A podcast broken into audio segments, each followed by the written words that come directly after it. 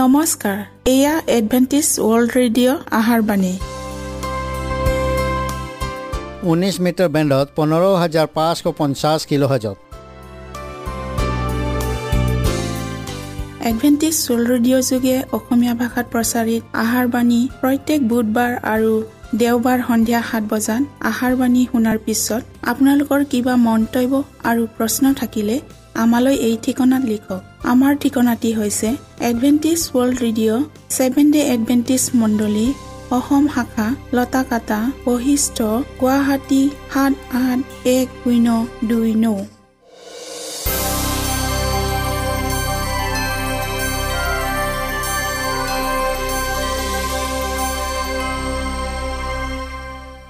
প্ৰিয় শ্ৰোতা বন্ধুসকল এতিয়া শুনো আহক এটি খ্ৰীষ্টীয় ধৰ্মীয় গীত।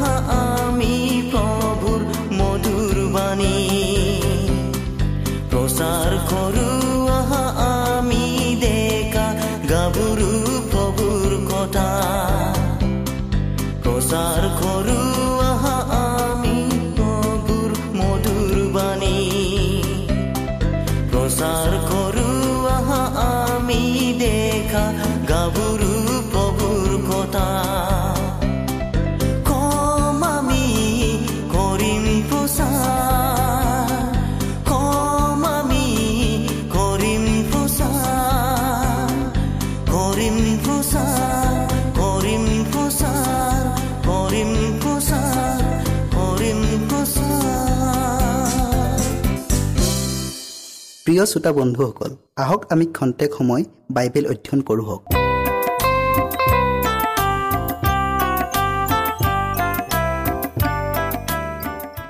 প্ৰিয় শ্ৰোতাসকল আমি যোৱা অনুষ্ঠানৰ ধৰ্মধাম কি ইয়াৰ বাকী অংশটো অধ্যয়ন কৰোঁ হওক।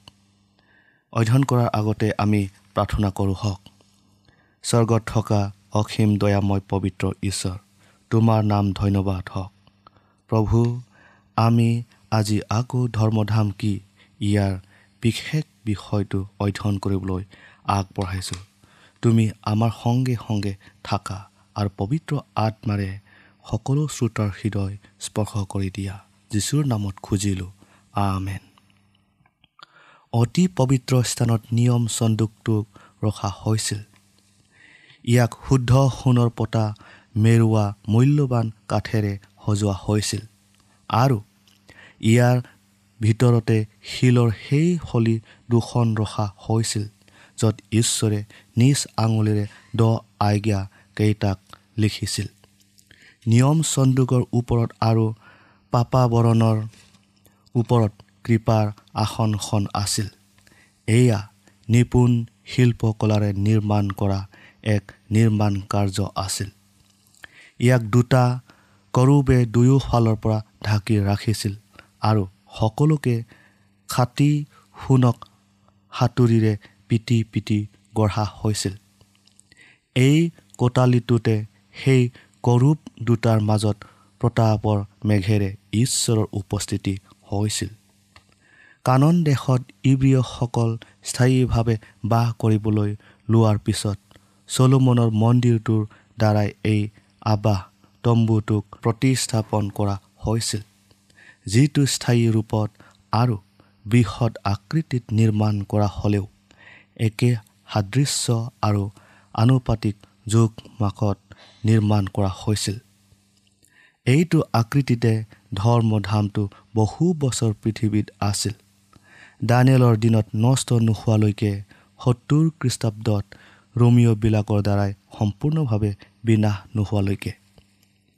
প্ৰিয় শ্ৰোতাসকল জগতত থকা একমাত্ৰ ধৰ্মধামটো এইটোৱেই আছিল যাৰ বিষয়ে বাইবেলে বৃহৎ বিৱৰণ দাঙি ধৰিছে। এই ধৰ্মধামটোকে পৌলে প্ৰথম নিয়ম বুলি অভিহিত কৰিছিল। কিন্তু নতুন নিয়মত জানো কোনো ধৰ্মধাম নাই। সত্যৰ সন্ধানী ব্যক্তিসকলে আকৌ এবাৰ ইব্ৰী পত্ৰখনৰ পাত লুকিয়াই চাই দ্বিতীয় অৰ্থাৎ নতুন নিয়মৰ ধৰ্মধামৰ অৱস্থিতিৰ কথা জানিব পাৰিছিল। তাক ইতিমধ্যে উল্লেখ কৰা পৌলৰ কথাকে দেখা পোৱা গৈছিল। বাৰু প্ৰথম নিয়মৰ আৰাধনাৰ নানা ধৰ্মবিধি আৰু এটি ধৰ্মধাম অৰ্থাৎ জগত সম্বন্ধীয় ধৰ্মধাম আছিল। ইয়াত ব্যৱহাৰ কৰা আৰু এটি খণ্ড বাক্যটিয়ে এইটো আভাস দিয়ে যে পৌলে এই ধৰ্মধামটোৰ সম্পৰ্কে আগতে উল্লেখ কৰিছে। আগৰ অধ্যায়টো আকৌ এবাৰ লুটিয়াই তেওঁবিলাকে পঢ়িলে। ওপৰত কোৱা কথাবোৰৰ সাৰ কথা এই যিজনা স্বৰ্গত মহামহিমৰ সিংহাসনৰ সোঁফালে বহিল আৰু মানুহে স্থাপন কৰা নহয় প্ৰভুৱে স্থাপন কৰা প্ৰকৃত তম্বু আৰু পবিত্ৰ স্থানৰ পৰিচৰ্যাকাৰী হৈছে আমাৰ এনে মহাপুৰুষিত আছে। নতুন নিয়মৰ এটা ধৰ্মধাম থকা কথাটো ইয়াতে প্ৰকাশ পাইছে। প্ৰথম নিয়মৰ ধৰ্মধামটোক মানুহৰ দ্বাৰাই স্থাপন কৰা হৈছিল। মচিৰ দ্বাৰাই নিৰ্মাণ কৰা হৈছিল। কিন্তু এইটোক অৰ্থাৎ নতুন নিয়মৰ ধৰ্মধামটোক স্বয়ং প্ৰভুৱে স্থাপন কৰিছে মানুহে নহয়। প্ৰথম নিয়মৰ ধৰ্মধামটোক জগতৰ পুৰোহিতসকলে পৰিচৰ্যাৰ কাৰ্য সমাপন কৰিছিল। কিন্তু নতুন নিয়মৰ ধৰ্মধামটোত ঈশ্বৰৰ সোঁহাতে থকা আমাৰ মহাপুৰুষিত কৃষ্টই পৰিচৰ্যাৰ কাম কৰি আছে। এটা ধৰ্মধাম পৃথিৱীত আছিল আনটো ধৰ্মধাম স্বৰ্গত আছে। শ্ৰোতাসকল ইয়াৰোপৰি যিটো আবা তম্বু মচিৰ দ্বাৰাই নিৰ্মাণ কৰা হৈছিল তাক প্ৰথমটোৰ নমুনাতহে নিৰ্মাণ কৰা হৈছিল। ঈশ্বৰ যীশুৱাই তেওঁক কাঢ়া নিৰ্দেশ দিছিল সেই আবা আৰু তাৰ সকলো বস্তুৰ যি নমুনা মই তোমাক দেখুৱাম তোমালোকে তাৰ দৰে সকলোকে কৰিবা। আকৌ মচিৰ ওপৰত এই দায়িত্বটো দিয়া হৈছিল। সাৱধান মই তোমাক পৰ্বতত দেখুওৱা সেইবোৰৰ নমুনাৰ দৰে সেই সকলোকে কৰিবা। যাত্ৰা পুস্তক পঁচিছ অধ্যায়ৰ নৌ আৰু চল্লিছ পদত আপোনালোকে চাওক। আৰু পৌলে কৈছে যে প্ৰথম আবা তম্বুটো তেতিয়াৰ উপস্থিত কালৰ নিমিত্তে দৃষ্টান্ত অৰ্থাৎ নমুনা স্বৰূপ আছিল য'ত উপহাৰ আৰু বলিদান উৎসৰ্গ কৰা হৈছিল। এয়া স্বৰ্গীয় ধৰ্মধামৰ নকল আৰু চাহ মাথোন আছিল। ইয়াৰ পবিত্ৰ স্থানবোৰ স্বৰ্গীয় ধৰ্মধামৰ নকল আছিল। বিধানৰ দৰে পুৰোহিতসকলে ধৰ্মধামত যিবোৰ পৰিচৰ্যা কৰিছিল সেই আটাইবোৰ স্বৰ্গীয় ধৰ্মধামৰ নকল আৰু চাহ মাথোন আছিল।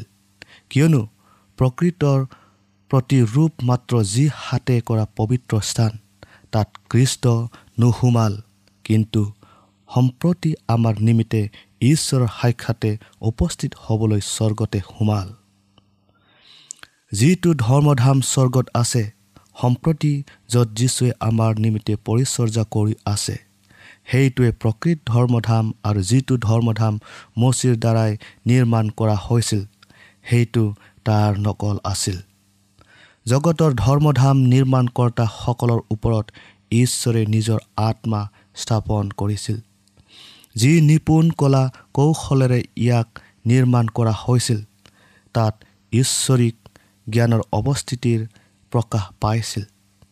বেৰবোৰত খাটি সোণৰ দাঁত পতাৰে যেনেকৈ মাৰা হৈছিল সোণৰ দীপাধাৰত জ্বলি থকা সাতটা প্ৰদীপৰ পৰা ওলোৱা পোহৰ সেই সোণৰ পতাত পৰি তাৰ পৰা পোহৰৰ ৰশ্মি সকলো দিশলৈ প্ৰতিফলিত হৈছিল। দৰ্শন পিঠাৰ মেজখনত শুদ্ধ সোণৰ পতা মাৰি সজোৱা হৈছিল আৰু ধূপ বেদীটো চকচকীয়া সোণৰ দৰে জিলিকি আছিল।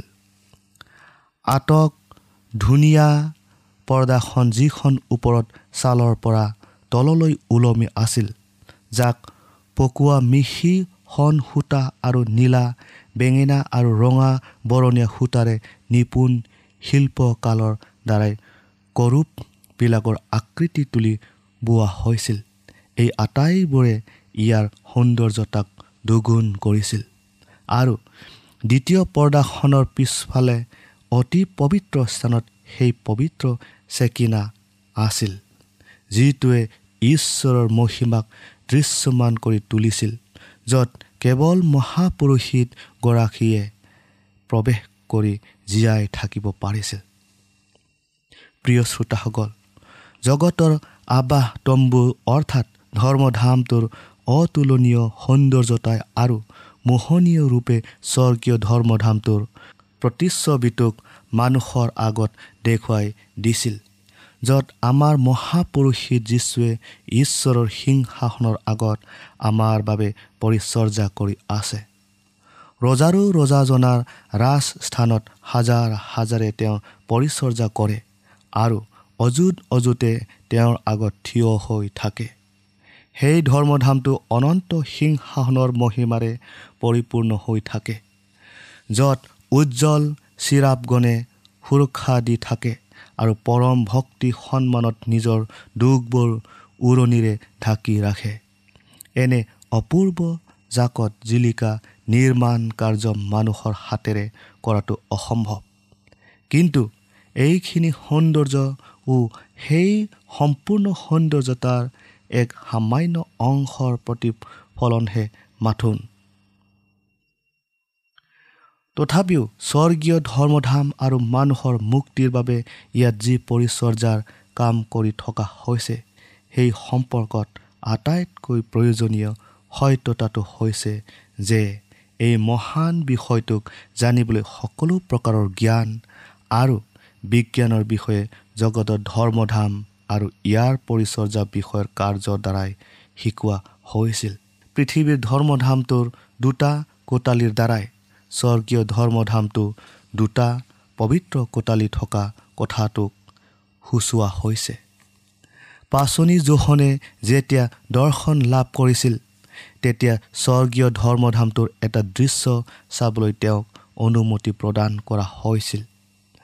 তেওঁ সিংহাসনৰ আগত জ্বলি থকা অগ্নিৰ সাতোটা প্ৰদীপ দেখিবলৈ পাইছিল।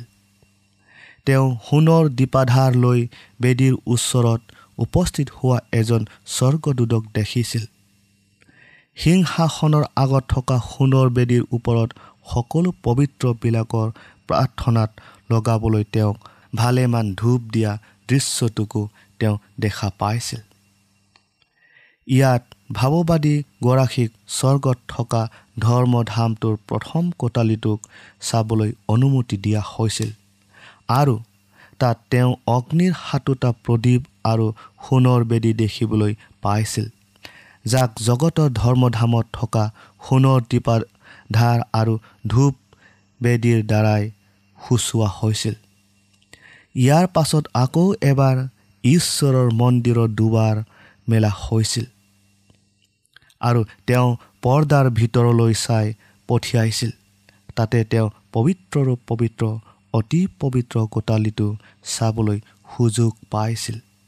ইয়াতে তেওঁ তেওঁৰ নিয়ম চন্দুকটোক দেখিবলৈ পাইছিল যিটোক ঈশ্বৰৰ দ আজ্ঞাকেইটাত থ'বলৈ মচিৰ দ্বাৰা নিৰ্মাণ কৰা পবিত্ৰ চন্দুকটোৰ দ্বাৰাই সূচোৱা হৈছিল। এইদৰে যিসকলে উক্ত বিষয়টোৰ ওপৰত অধ্যয়ন কৰি গৈছিল তেওঁবিলাকে স্বৰ্গত যে এটা ধৰ্মধাম আছে তাৰ অখণ্ডনীয় প্ৰমাণ বিচাৰি পাইছিল। মচিক যিটো নমুনা দেখুওৱা হৈছিল তাৰ ভিত্তিতেই তেওঁ পৃথিৱীৰ ধৰ্মধামটোক নিৰ্মাণ কৰিছিল। পৌলে শিকাইছে যে যিটো নমুনা দেখুওৱা হৈছিল সেইটোৱে প্ৰকৃত ধৰ্মধাম আৰু ই স্বৰ্গত আছে। আৰু জোহনে প্ৰমাণ দাঙি ধৰিছে যে তেওঁ তাক স্বৰ্গত দেখা পাইছিল। শ্ৰোতাসকল ঈশ্বৰৰ বাসস্থান স্বৰ্গত থকা মন্দিৰত তেওঁৰ সিংহাসনত ধাৰ্মিকতা আৰু ন্যায়পৰায়ণতাত প্ৰতিষ্ঠিত হৈ আছে। অতি পবিত্ৰ স্থানত তেওঁৰ বিধান আছে যি বিধান শুদ্ধতাৰ মহানীতি আৰু যাৰ দ্বাৰাই সকলো মানৱকে চালি জাৰি আৰু জুখি চোৱা হ'ব। সেই চন্দুকটো যি ধৰণৰ দুখন শিলৰ ফলিক সযতনেৰে ধৰি ৰাখিছে তাক কৃপাৰ আসনখনেৰে ঢাকি ৰখা হয়। ইয়াৰ সন্মুখতে কৃষ্টই নিজৰ তেজেৰে পাপীৰ বাবে নিবেদন কৰে। এইদৰে মানৱ জাতিৰ উদ্ধাৰৰ পৰিকল্পনাত ন্যায় আৰু কৰোণাৰ মিলনক প্ৰকাশ কৰা হৈছে। এই মিলনৰ আঁচনি একমাত্ৰ অসীম জ্ঞানৰ অধিকাৰীজনাইহে প্ৰস্তুত কৰিব পাৰে আৰু অসীম শক্তিৰ দ্বাৰাইহে এনে মিলন সম্ভৱ কৰি তুলিব পাৰে।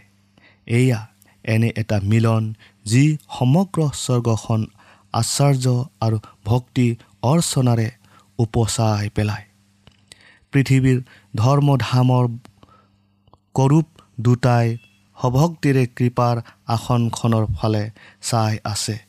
ইয়াৰ দ্বাৰাই এইটো বুজোৱা হৈছে যে মানৱ জাতিৰ উদ্ধাৰ কাৰ্যত সমগ্ৰ স্বৰ্গবাসী কিমান মনোযোগেৰে নিমগ্ন হৈ আছে। এইটোৱে হৈছে সেই পৰম কৰোণাৰ ৰহস্য যাক স্বৰ্গদূতগণেও জানিবলৈ ইচ্ছা কৰে যে যেতিয়া ঈশ্বৰে অনুতাপিত পাপীসকলৰ সপক্ষে ন্যায় কাৰ্য কৰে আৰু পাপত পতীত মানৱৰ লগত থকা তেওঁৰ সম্বন্ধক পুনৰ নতুন কৰিব লয় তেওঁ হৈ পৰে ন্যায়পৰায়ণ।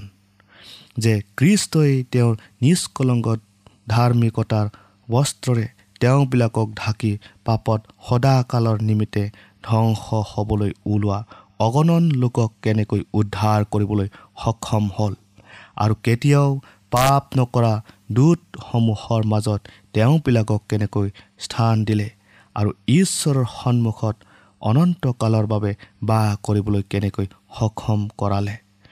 এই সকলোবোৰ ৰহস্যক তেওঁবিলাকে চাবলৈ হেঁপাহ কৰে। প্ৰিয় শ্ৰোতাসকল আজিলৈ ইমানে ইয়াৰ বাকী অংশ পৰৱৰ্তী অনুষ্ঠানত আপোনালোকে শুনিবলৈ পাম হওক। আশা কৰোঁ আপোনালোকক পৰৱৰ্তী অনুষ্ঠানত পুনৰ লগ পাম বুলি ঈশ্বৰে আপোনালোকক আশীৰ্বাদ কৰক।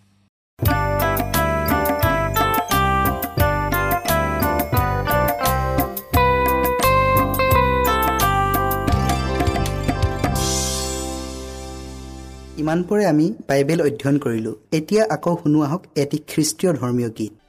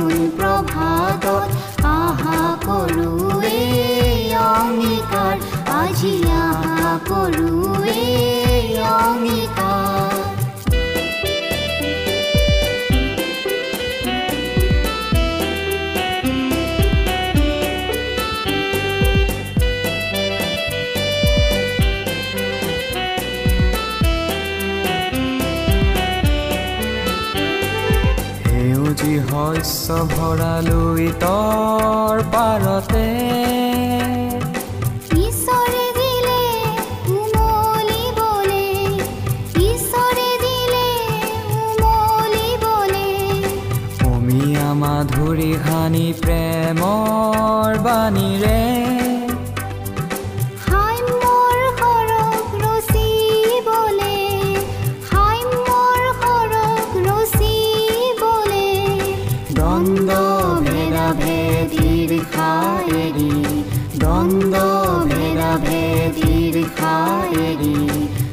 উপচাম দুটি সৰগী সুসমাৰে উপচাম দুটি পাৰ সৰগী সুসমাৰে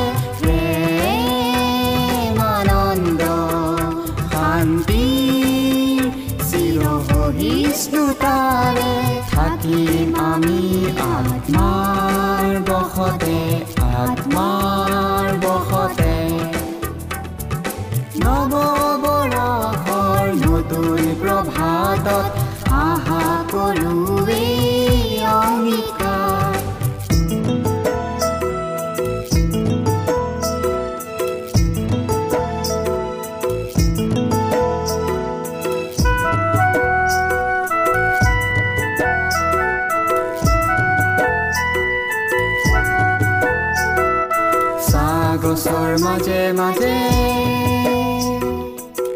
মাদুলৰ তালে তালে। গছৰ মাজে মাজে। মাদুলৰ তালে তালে। প্ৰভু যীশুৰ জুৱলিব মাদুলৰ তালে তালে। প্ৰভু যীশুৰ জুৱলিব মাদলর তালে তালে। কলি যাতে ভুলখনা কলি যাতে ভুলখনা ক্ষমাৰ বাণীরে হিসে যাম শান্তিৰ বীজ হৃদয়তে? হিসে যাম শান্তিৰ বীজ হৃদয়তে?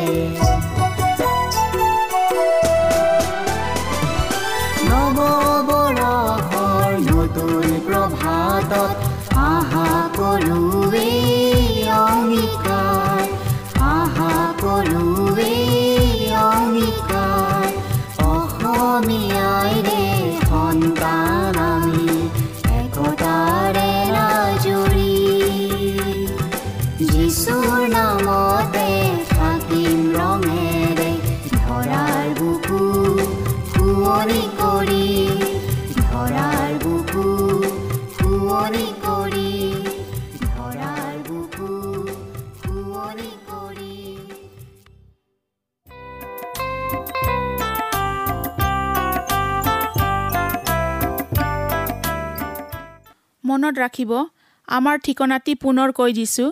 Adventist world radio' Assam region of seven day Adventist voice of hope Latakata Basistha Guwahati seven eight one zero' two nine প্ৰিয় শ্ৰোতা বন্ধুসকল এডভেণ্টিজ ৱৰ্ল্ড ৰেডিঅ' যোগে আহাৰবাণী প্ৰচাৰত আপোনালোকক পুনৰ লগ পোৱাৰ আহাৰে আজিলৈ সামৰিলোঁ। ধন্যবাদ।